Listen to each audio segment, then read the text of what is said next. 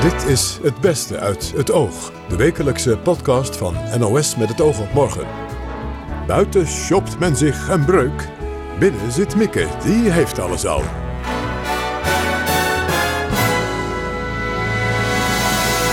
Ja, dat klopt. Ik moet alleen de gedichten nog maken en de surprise.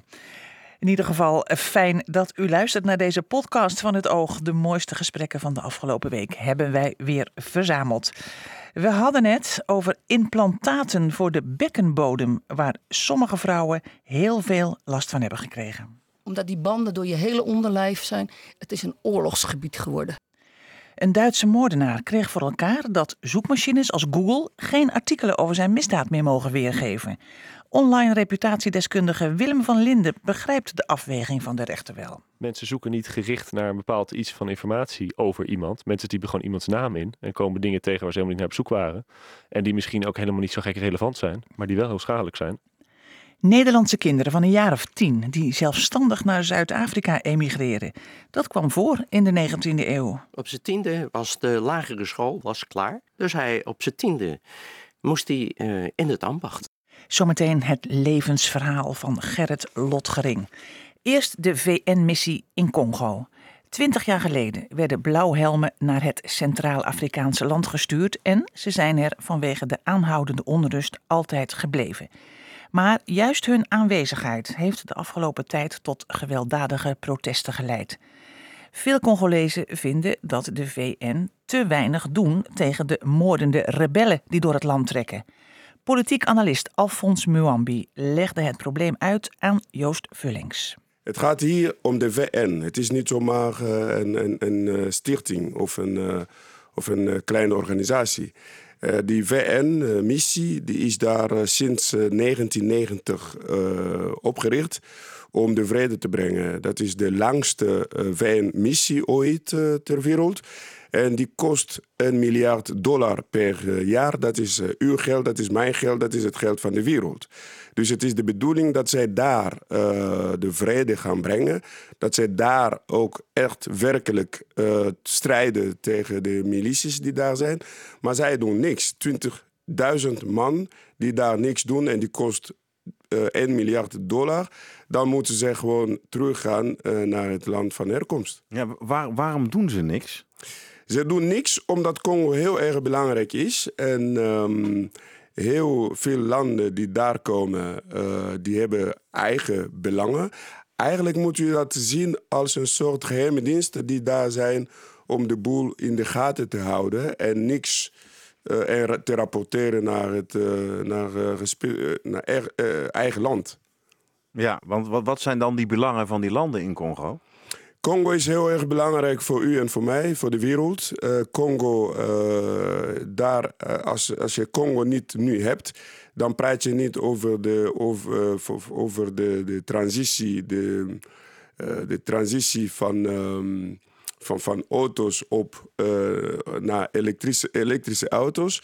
Je hebt uh, geen, uh, als je geen coltan hebt, dan heb je geen mobiele telefonie. Je hebt Congo nodig voor wapens, voor raketten in de lucht, in de ruimte. Je hebt Congo voor het bouwen van vliegtuigen. Congo heb je echt nodig. Altijd nodig geweest en nu nog steeds nodig, economisch gezien. Is een land vol mega interessante grondstoffen dus. Heel erg. Ja. De, zitten er al twintig jaar, zei u net. De Verenigde Naties, hebben ze in die twintig jaar uh, uh, wel eens een periode gehad waarin ze wel functioneren zoals de mensen het wilden? Die periode kan ik mij niet uh, herinneren. Het is altijd zo geweest dat er de bevolking ernaast zit, dus naast hun tenten dat ze worden gedood. En zij zitten daar te kijken naar films of uh, met uh, hun eigen vrouwtjes te spelen. En ze hebben nooit iets gedaan. Kijk, uh, het is niet alleen een Congolees probleem dit. Het is een, een VN-organisatie, VN-missie, die, dat gaat Nederland aan, dat gaat Frankrijk aan, dat, dat gaat iedereen aan. Dus wat de Congolezen daar doen, demonstreren tegen de VN-missie, dat zouden wij hier met z'n allen ook moeten doen, want het is ons geld. Ja. Heeft, heeft Nederland wel eens deelgenomen een tijdje aan deze, deze missie? Nederland uh, neemt, uh, is niet officieel deel van, van, die, van die missie, maar die zit ook wel in, die, uh, in de club. Ja. Maar Nederland betaalt ook mee. hè, Ja, dat, dat, Ja. ja. zeker. We zijn er ook verantwoordelijk voor als wereldgemeenschap. Ja. en, en eh, die protesten die zijn er nu, die, zijn- die, zijn, die zijn hevig. Is, is, zijn die in het verleden ook wel eens protesten geweest tegen de aanwezigheid van deze VN-macht? Die protesten zijn geweest. Het verschil van toen en nu is dat er een nieuwe president aan de macht is, meneer eh, Felix Tshisekedi. En in het verleden is het zo dat de, protest, eh, de, pro- de protestanten, dus eh, dem- die, die werden eh, keihard aangepakt door de politie en militairen van Kabila, die toen president was. En nu is het zo dat ja, mensen die protesteren en ze blijven protesteren. Er zijn wel doodgevallen, maar dat zijn ook eh, door paniek van de MONUSCO, dus de VN-missie en de, de politie, die ja, hebben doodgeschoten. Maar voor de rest eh, verloopt het gewoon eh, vreedzaam. Maar het is de bedoeling dat de wereld daarbuiten ook zich gaat eh, bemoeien met wat er daar gebeurt. Ja, maar er zijn toch al wel wat tientallen mensen, mensen omgekomen. Denkt u dat het verder uit de hand gaat lopen? Ja, ik denk dat het verder uit de hand gaat lopen omdat ook eh, eh, vanuit eh, overal ook de roep komt dat er Frankrijk de boel overneemt. Dus Dr. Mukwege, dat is de prijs Nobel van, van Congo, die heeft al een paar dagen voordat dit zich voordeed, Frankrijk en Europa opgeroepen om ja, daar aanwezig te zijn, om daar te komen, om dus die rebellen terug te slaan. Eh, nu krijg je die protesten tegen de VN, de VN-missie, de MONUSCO. En dus ik weet niet wat zich afspeelt eh, in de schaduw. Ja, maar zou, zou, de huidige president kunnen zeggen van eh, luister VN-macht, jullie zijn hier om stabiliteit te brengen, jullie doen je werk niet goed, dus pak je, pak je spullen maar. Dat heeft zijn voorganger, eh, president Kabila, gedaan. Die kwam in de clinch met de eh, wereldorde. Hè. eh, dus de, de VN, maar ook grote machten die, die ook echt werkelijk die mensen daar aanwezig willen hebben. Maar eh, hij moet voorzichtig zijn. Ik zou ook voorzichtig zijn als ik eh, in zijn schoenen zou staan.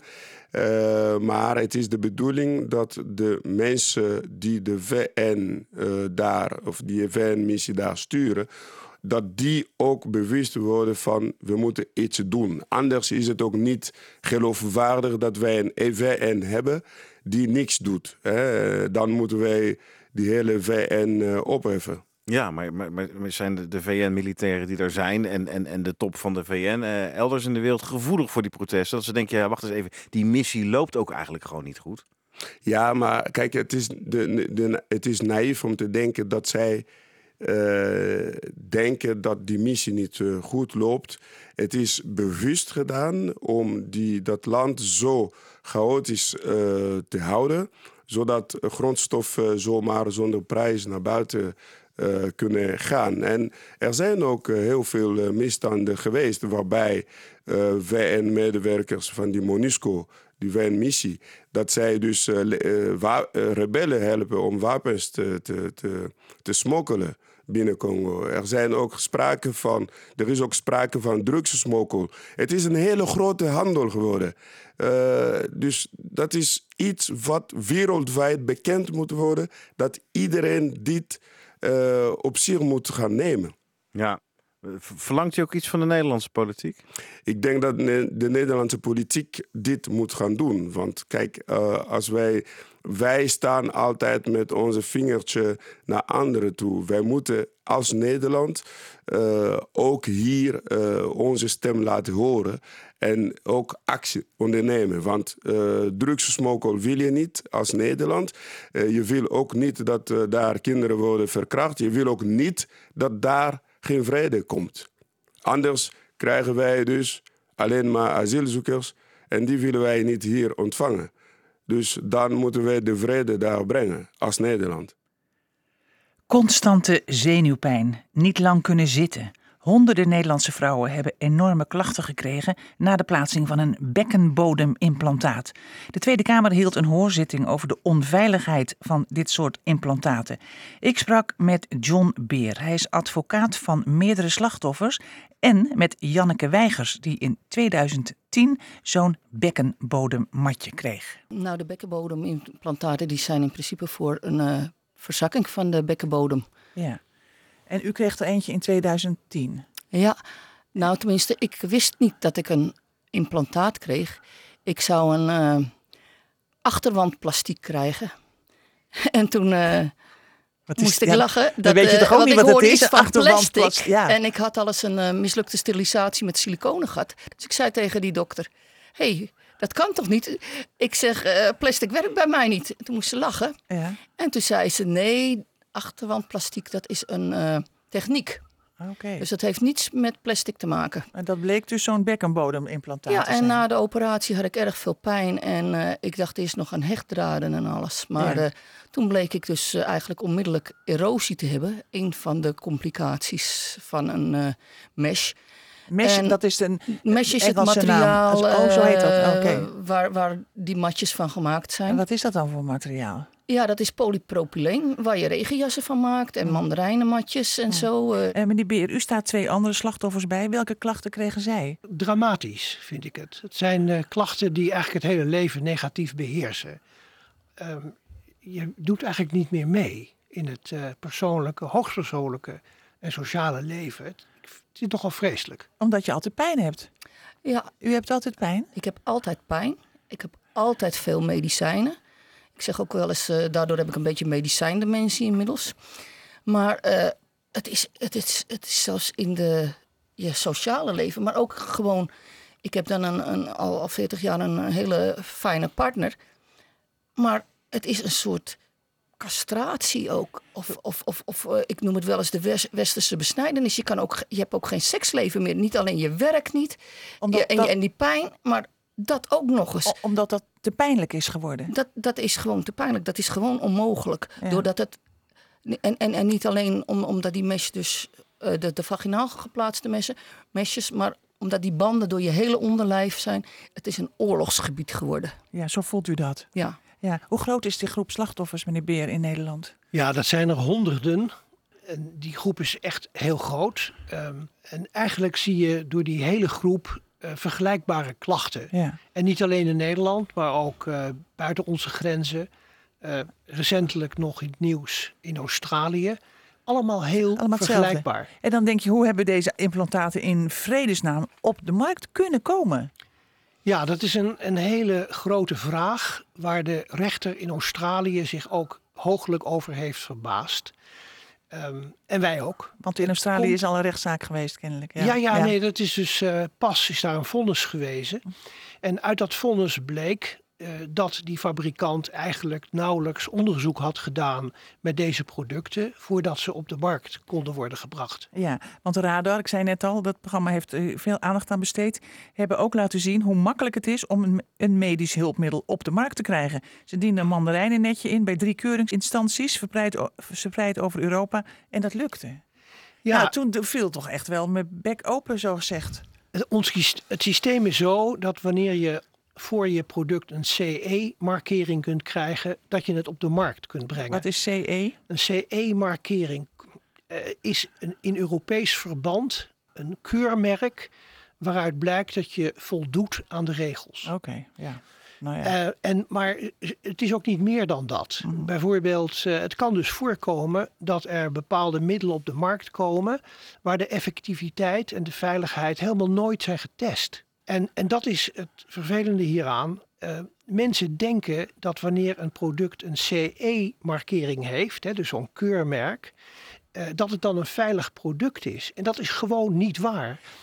Ik denk dat als mensen, mevrouw Weigers, nou zegt u het maar, in het ziekenhuis komen en dat ze zeggen, u hebt zo'n eh, implantaat nodig dat je misschien al helemaal nog niet eens gaat vragen, heeft het wel een keurmerk? Je gaat er gewoon vanuit dat het oké is, toch? Ja, nou, het zou eh, mooi zijn als ze je al wat over dat implantaat zouden vertellen. Want dat is dus in 99% van de gevallen is er helemaal niets over het implantaat verteld. Want als je alleen al een plaatje had gezien van hoe verschrikkelijk dat is met die naalden en die poten. Nou, dan moet je wel heel erg eraan toe zijn. Wil je toestemming geven om zo'n mat in je lijf te laten zetten? Ja, want ik weet niet Dus wat... de informed Ja? consent waar ze het dan over hebben, de toestemming van de patiënt, die is er dus helemaal in geen enkel geval bijna geweest. We zijn gewoon eh, proefkonijnen. Mag ik vragen wat uw klachten waren eh, op grond waarvan u dit kreeg? Nou, ik, ik, had, ik had verzakking, ik had moeilijke Ja. stoelgang. Ja. Soms een beetje eh, met mijn blaas, maar echt, ja, hinderlijk. Maar, dat, maar, maar niet dit. En dan waren er nog zoveel andere oplossingen geweest. En die zijn niet die met u tijd. En die besproken? zijn niet met mij besproken, niks. Ja. Eh, je zou zeggen, eruit met dat eh, spul. Ja, dat, ha- dat had ik al vrij vlot, omdat ze dus al binnen zes weken de eerste stukjes. Toen, toen wist ik dan ongeveer dat ik een mat had. Hè, de- En toen zijn ze begonnen te knippen. Maar eh, die arts, ja, stukjes wegknippen en Oh. dan, dan maar weer dichtmaken. Want het, het voelde alsof ik een pannenspons in mijn vagina had. Echt waar, zo'n zo'n zo'n zo'n ijzeren ding. Mhm. eh, eh, zo'n kaartje in je nek, maar dan in het kwadraat. En ja, en dan op zo'n plek. Dus dat was bijzonder pijnlijk. Maar eh, ja, die arts die, die had allerlei overwegingen om dat maar, maar niet eruit te halen schijnbaar. Dus ik ben naar een ander ziekenhuis gegaan. Die heeft contact gehad met de, de eerste arts. En toen zouden ze samen het eruit halen. Maar niemand heeft ooit gezegd dat het eigenlijk binnen drie maanden moest gebeuren. Wilden het niet te ver zijn vastgegroeid. En want nu is het te laat. Na een jaar was het al te laat. Ja. En toen heb ik nog bij verschillende artsen gelopen voor second opinions en zo. Maar En ja. u, u hebt dus nu al negen jaar pijn. Volgens het patiëntensteunpunt Mesh-up, hè, dat Ja. bestaat, zijn er vrouwen voor, wie- voor wie de pijn zo ondraaglijk is dat ze aan suïcide denken. ja, dat heb ik ook gehad. Ja? Ja, want in de, na een jaar of drie toen dacht ik van, eh, het komt niet meer goed, hè. Ik, ik heb, ja, dan eerst, eerst heb je nog hoop, maar toen na een paar operaties, toen dacht ik, dit komt nooit meer goed. En ik ben een goede vijftig en mijn man, eh, ja, als ik er nou niet meer ben, dan, dan kan hij gewoon nog verder met een volwaardige vrouw. En eh, ja, dus dat, dat dacht ik toen. En toen heb ik wel gesprekken gehad en zo. En ja, ook eh, dus, dus met vrouwen van Meshed Up die me wel een beetje opbeurden. En ik heb een fijn gezin, gelukkig. Ja. Maar eh, toen zag ik het echt helemaal niet meer zitten. ja. U bent erbij morgen hè, bij de hoorzitting? Ja. ja. Wat, wat, eh, dat is een belangrijke dag dus voor u, ja? Hè? We hopen het, Ja. dat Ja. ze wakker worden. ja. Meneer Beer, wat verwacht u ervan? Eh, nou, wij hopen dat we eh, de Tweede Kamer kunnen laten zien dat feitelijk geen enkele patiënt kiest voor een bepaald implantaat. En dat het de dokter is die dat doet. En dat die dokter verder moet kijken dan het CE-merk wat er op een bepaald product zit. En de dokter kan ook verder kijken. De dokter kan kiezen tussen een aantal producten en kan kiezen met welk product er al succesvol eh, onderzoek heeft plaatsgevonden en met welke producten niet. Inhoud geven aan de verantwoordelijkheid tegenover de patiënt. PvdA-kamerlid Lilianne Ploemen wil dat de Onderzoeksraad voor Veiligheid voortaan nagaat of medische implantaten terecht tot de Nederlandse markt worden toegelaten. Een moordenaar in Duitsland werd door de hoogste rechtbank in zijn land in het gelijk gesteld. Artikelen die over zijn misdaad zijn geschreven, mogen door Google en anderen niet als zoekresultaat worden weergegeven. Hij heeft dus het recht om vergeten te worden. Lucella Carrasso sprak met Willem van Linden. Hij is online reputatiedeskundige. Dit is volgens hem een relatief nieuwe ontwikkeling. Pakweg 20 jaar geleden speelde dit nog niet. Ja, dan gingen, moesten mensen naar een archief van een krant en dan gaan ergens naar je gaan zoeken. Maar dan zochten ze ook altijd gericht ergens naar. En dat is een beetje het punt hierbij. Mensen zoeken niet gericht naar een bepaald iets van informatie over iemand. Mensen typen gewoon iemands naam in en komen dingen tegen waar ze helemaal niet naar op zoek waren. En die misschien ook helemaal niet zo gek relevant zijn, maar die wel heel schadelijk zijn. En dat uh, zo ook voor deze meneer, denk ik. Ja, want um, hij, hij, heeft een moord gepleegd, heeft vastgezeten, ja. is weer vrijgelaten ja. uiteindelijk. Uh, nadat hij zijn straf had afge, uh, ja. uh, uitgezeten. Had, had hij daar veel last van, voor zover je weet, dat die artikelen over hem nog te vinden waren? Ik kan het me ergens wel voorstellen dat, dat je in het sociale leven even enig ongemak ondervindt van het feit dat je een dubbele moord gepleegd hebt. dat is niet echt, als iedereen dat, als je nieuwe buurman dat ziet, ik denk dat is niet echt met een schone lei beginnen. beginnen. Of als je een baan zoekt ergens. Ja, ik denk dat je vrij sociaal, snel sociale paria wordt daarmee. En, en kunt u daarmee meegaan met de redenering van, van die hoogste rechter in Duitsland? Ja, nou kijk, ik begrijp heel goed dat, uh, dat mensen zullen zeggen van nou, wat is belachelijk en uh, die meneer heeft twee mensen vermoord. Hè, doe je wel afstand van al je rechten, et cetera. Maar aan de andere kant hebben we ook een systeem hier in, in, in, in Europa. Waar zeggen mensen, nou we geven mensen een straf. En de overheid heeft ergens bepaald hoeveel die straf is. Een rechter legt die straf op. Iemand zit die straf uit. In dit geval bijna 20 jaar volgens mij. Een vrij lange straf ook. En dan ja, dan zetten we iemand weer in de maatschappij. En dan moet iemand, hè, krijgt een tweede kans, mag weer opnieuw beginnen. En uh, zo ook deze meneer. En daar zijn er nogal waarborgen. Je hebt een Nederlands systeem, een verklaring omtrent gedrag, VOG, die je kan aanvragen als je ergens als vrijwilliger aan de slag wil met sportvereniging of als je ergens de kas gaat beheren, wat dan ook. Hè, dat is nog wel een waarborg. Maar daar komt eigenlijk, uh, een zoekmachines als Google komen daar doorheen gewalst. En die zeggen eigenlijk van ja, nee, uh, jij gaat hier levenslang aan herinnerd worden. Jij krijgt eigenlijk geen echte tweede kans. Jij krijgt geen echte schone lei. En dan kan ik uh, wel goed begrijpen dat zo'n rechter zegt: ja, luister, we hebben gewoon een systeem voor straffen en maatregelen om te zorgen dat dingen niet weer fout lopen. En uh, daar hebben we die zoekmachines niet voor nodig. En die man ondervindt er ongetwijfeld heel veel hinder van. Maar laat ook even wel wezen: het is 37 jaar geleden. Hij heeft 20 jaar in de gevangenis gezeten. Hij gaat het niet nog een keer doen nu. Dat is niet onze verwachting dan. En het is niet zo dat als we dit zoekresultaat eruit halen, dat er uh, opeens allemaal mensen door hem vermoord gaan worden, omdat ze zich niet meer tegen hem kunnen beschermen of zoiets.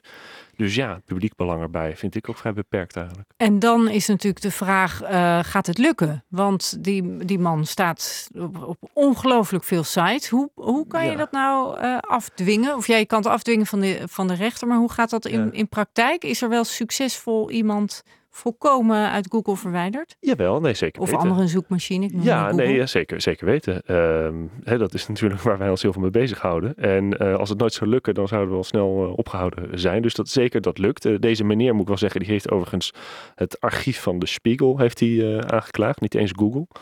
Um, en toen heeft de rechter gezegd, ja, we gaan dat, uh, de Spiegel moet dat inderdaad blokkeren. Dus die zoekresultaten die gaan echt uit de zoekmachines straks. Alle zoekmachines wereldwijd. Dus het is, een vrij, is ook veel groter, veel uh, grotere impact dan het, wereld, het vergeetrecht normaal heeft, dat tot Europa beperkt is.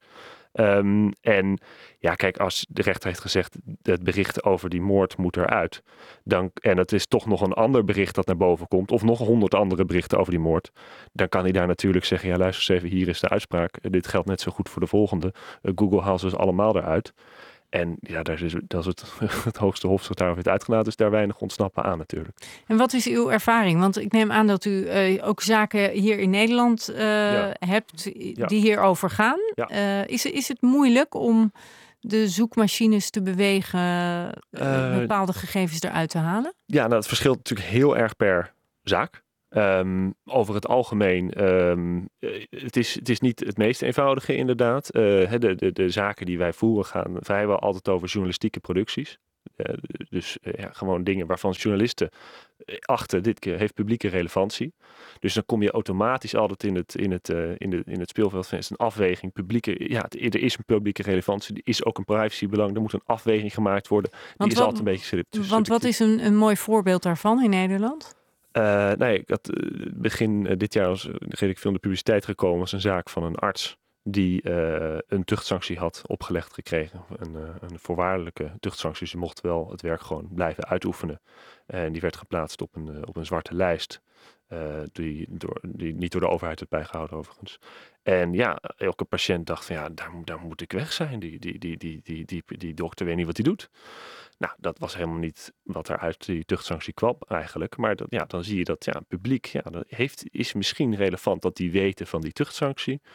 Uh, aan de andere kant heeft het wel een hele grote impact op de praktijk van zo'n uh, van zo'n arts. Daarmee ook op het inkomen. Ook op het vertrouwen dat patiënten hebben als ze daar naartoe gaan. Gaan ze daar nog comfortabel naartoe of niet? ja, dat is zo'n afweging die gemaakt moet worden. Nou, in dit geval, we, we, hebben hem toen gewonnen en is hij dus in het voordeel van de arts uitgevallen. Uh, maar dat, ja, dat is een afweging die gemaakt moet worden. En dat zie je eigenlijk in al die zaken. Ja, het, is, het is een afweging en daar zullen mensen altijd anders over denken. En hoe lang duurde dat vervolgens uh, voordat dat ook echt verdwenen was van Nou, het internet? Ja, toen we die uitspraak helemaal hadden, wel, duurde het nog maar een week. Maar we waren natuurlijk al wel ruim een jaar bezig tot die uitspraak er was. En die, nieuwe publi en die publiciteit die zorgt weer voor nieuwe artikelen, neem ik aan. Of uh, hou Ja. je dan zorgvuldig de naam om wie het gaat ja, erbuiten? je- nou, ja, dat is één, erbuiten houden. Als iemand het toch doet. Ja, de rechter heeft dan net geoordeeld dat die persoon niet meer daarmee in verband gebracht moest worden. Dus dat dien je dan opnieuw in. En daar gaat Google dan over het algemeen wel niks mee om. Ja. God het is wel, eh, ja, met, met de jaren wordt dat archief natuurlijk steeds groter ook, hè, van, van die zoekmachines. Dus wat staat ons nog, nog te wachten? Dat staat ze nog te wachten. Ja, het wordt alleen maar groter en er wordt ook steeds meer geregistreerd van ons allen. Tegenwoordig wordt alles wordt natuurlijk steeds meer wordt vastgelegd. Ja. Nepnieuws, je krijgt eh, deepfakes, je krijgt van alles. Eh, iedereen heeft een veel groter digitaal verleden eh, straks. En ik kan me ook voorstellen dat mensen zich veel vaker denken... ja, wat ik toen gezegd heb of wat er toen van mij gefilmd is, dat wil ik vanaf. Dus dit gaat alleen maar belangrijker worden en voor veel meer mensen ook belangrijk worden. Als 14-jarige naar Zuid-Afrika om je brood te verdienen. Het gebeurde in de 19e eeuw. De Amsterdamse Gerrit Lotgering was een van de bijna 400 kinderen die in deze jaren via de Commissie ter Overzending van Jonge Lieden als dienstboden naar Zuid-Afrika werden overgevaren. Om werk te doen dat vrijkwam door de afschaffing van de slavernij. Zijn achterkleinzoon Fred bracht deze week Gerrits autobiografie uit met als titel Een Amsterdamse kinderemigrant in Zuid-Afrika. Ja, dat is iemand, eh, dat is een, die als, als kind zonder zijn ouders emigreert. En dat is hoogst ongebruikelijk. Eh, normaal gesproken gaan, als er emigratie is naar Amerika of Canada, dat was altijd met de ouders. Maar eh, in dit geval waren dat ja, Amsterdamse kinderen. Ja, 14 jaar was die, geloof Ja, ik. dat klopt. En, en, en, en, en dan, dan kon je zomaar naar Zuid-Afrika gaan. Of hoe ging dat dan? Ja, zomaar. Er, er was een programma, geïnitieerd eigenlijk door, eh, eh, ja, door een commissie. eh, die onder leiding stond van Heldring, een dominee. die, ja, een vooraanstaand man in Nederland. En die had het verzoek gekregen uit Zuid-Afrika om eh, werkkrachten te leveren. Want daar zaten ze zonder, eh, want de slavernij was opgeheven. In Nederland, daar was op dat moment, midden 19e eeuw, was het eh, economisch hele zware tijd. In Amsterdam, eh, waar deze lotgering ook eh, woonde, daar was een derde van de beroepsbevolking was, eh, was, had geen beroep, die was eh, werkloos. Eh, een derde was los ambachtsman en dan een derde had maar vast werk. Ja, en, en al het- in, in die tijd, als 14-jarige, werd je vaak al toch al geacht eh, te gaan werken. Op zijn tiende moest hij. Ja, Op zijn tiende was de lagere school, was de, de school was klaar. En verder studeren zat er niet in, want daar was geen geld voor. Dus hij op zijn tiende moest hij eh, in het ambacht. maar, maar hij wilde zelf naar Zuid-Afrika. Dat, was Dat geen- dat was geen plan van zijn, van zijn ouders. Nee, nee, nee, nee. Eh, ze, maar hij heeft aan de kop van zijn vader gezeurd. Totdat hij eh, toestemming gaf. Die wou aanvankelijk niet. Want je moest ook de voogdij eh, overdragen aan die commissie. Hè? Ja, het, het klinkt toch wel een beetje eng. Hè? De, de slavernij is afgeschaft. En dan gaan ze kinderen uit Europa halen om te werken. Ja, ja. Nou, ik kan me voorstellen dat sommige ouders teru- terughoudend waren, om het zo maar te zeggen. ja, dat klopt. Ja. Ja. En, en het programma Maar is na vier jaar dus ja. ook gestopt. Ja, Omdat het eh, te veel eh, leek op kinderslavernij. ja. En, en eh, vond Gerrit dat zelf ook? Nou, daar hoor je me niet over. Nee. Nee. Nee, u zegt, daar hoor je hem niet over. U heeft hem niet gesproken. Dat, Nee, nee, Dus nee, hoe- maar in hoe zijn, boek, zijn. Hè, Oh, in- hij heeft een boek geschreven. Hij, hij, hij heeft hem aan het eind van zijn leven heeft hij een, manu- eh, heeft hij een eh, boek geschreven van 350 bladzijden. In, in één maand heeft hij dat eh, geschreven. Zij, heel vlot geschreven, maar moeilijk leesbaar door het handschrift en door het feit dat hij weinig punten, komma's gebruikte. Eh, maar het is een heel levendig verhaal met prachtige avonturen die hij heeft beleefd. Zowel vanaf de- zijn- jeugd in het eh, arme Amsterdam. Eh, vervolgens die tocht naar Zuid-Afrika op een bark. Waar die hulpje van de scheepsarts was. Dan de aankomst in, in, in Kaapstad. Waar Ja, die- hoe, hoe ging dat dan? Die kinderen kwamen eraan. Ja. totaal andere wereld, lijkt mij. Ja, die, nou, die werden in een gebouw uh, op een rij gezet. De meisjes aan de ene kant, de jongens aan de andere kant. En dan kwamen er uh, heren en dames langs. En die keken eens naar ze. En als het ze leek te bevallen, dan stapten ze op die dat kind af en zei van, wil jij bij mij komen werken? Ja, maar daar hoefden die mensen niet voor te betalen. Nou ja, uh, die, uh, die moesten wel betalen. De, de commissie, die schoot dat voor. Maar de, de reis die, die betaalde ja. voor de reis en voor een kist en wat kleding en beddengoed. En dat had een waarde van 2,5 jaar arbeid van die kinderen. En dus voor de, degene bij wie ze kwamen werken, daar moesten ze werken voor 2,5 jaar zonder dat ze daar geld voor kregen. Ja. Daarna kregen ze wel iets betaald. Voogd werden die mensen ook? Werd, was de commissie. Ja, oh, dit was de commissie. Ja. En is, is, is dat, uh, ik weet niet of, of uh, wat Gerrit al even opgeschreven, zijn de meeste kinderen, het is misschien een hele moderne vraag, daar wel gelukkig geworden in Zuid-Afrika? Nou, daar weten we dus uh, eigenlijk niks tot heel weinig van. Want van die 380 kinderen die het betrof, daar is eigenlijk niks van bekend. Tot dit levensverhaal opdook. Dit is eigenlijk het enige verhaal, uh, complete verhaal van, een, uh, van zo'n kinderemigrant. Ja, en die zaten waarschijnlijk geïsoleerd van elkaar, dus ze, ze, hadden geen contact met elkaar. Nee. Nee, dus nou ja, dus, dus een uniek verhaal. Heeft om te zeggen, Gerrit, uw familielid er wel van genoten of mooie momenten meegemaakt in Zuid-Afrika? Nou, er zitten uh, interessante fragmenten, maar het, hij heeft er verdomd veel meegemaakt. Uh, maar het was over het algemeen was het niet typisch mooi. Het was eerder avontuurlijk en of gevaarlijk. Uh, maar hij is er wel de man van mee geworden die, die, die uiteindelijk is. Ja, ja wat voor heeft hem geholpen. In ja, wat voor avonturen heeft hij er allemaal meegemaakt? Noem eens een voorbeeld. Nou, heel avontuurlijk was dat hij met toen hij een baas had in Stellenbosch die moest naar Graaf Reinet. Dat is uh, in het oosten. En dat is een enorme afstand. Dat is uh, in de orde van de duizend kilometer. Maar daar gingen ze dan heen met zo'n paard en wagen. Met een soort huifkar. En uh, dan ging dat door heel wild gebied. Met wilde dieren. inheemse mensen die niet altijd helemaal vriendelijk waren. En ja, gevaarlijke situaties. Hij is een keer bijna onder die kar gekomen. Uh, om, uh, ja, die wegen, dat waren geen wegen. Dat was, uh, die waren er eigenlijk niet. Je trok door de wildernis. En dat, dat ja, dat, dat zijn allemaal hele spannende, leuke verhalen. En, en hij is uiteindelijk teruggegaan naar Nederland, teruggekomen? Ja, na twaalf jaar. Na twaalf jaar, lang volgehouden. Ja. En wat is er toen van hem weer geworden in, in Amsterdam? Nou, dat was nog steeds malaise. Hij is toen eerst uh, bakkersknecht geworden. Toen suikerbakker, dat is slepen met grote, met 25 kilo suiker. Uh, vervolgens timmerman, wat hij eerder had gedaan.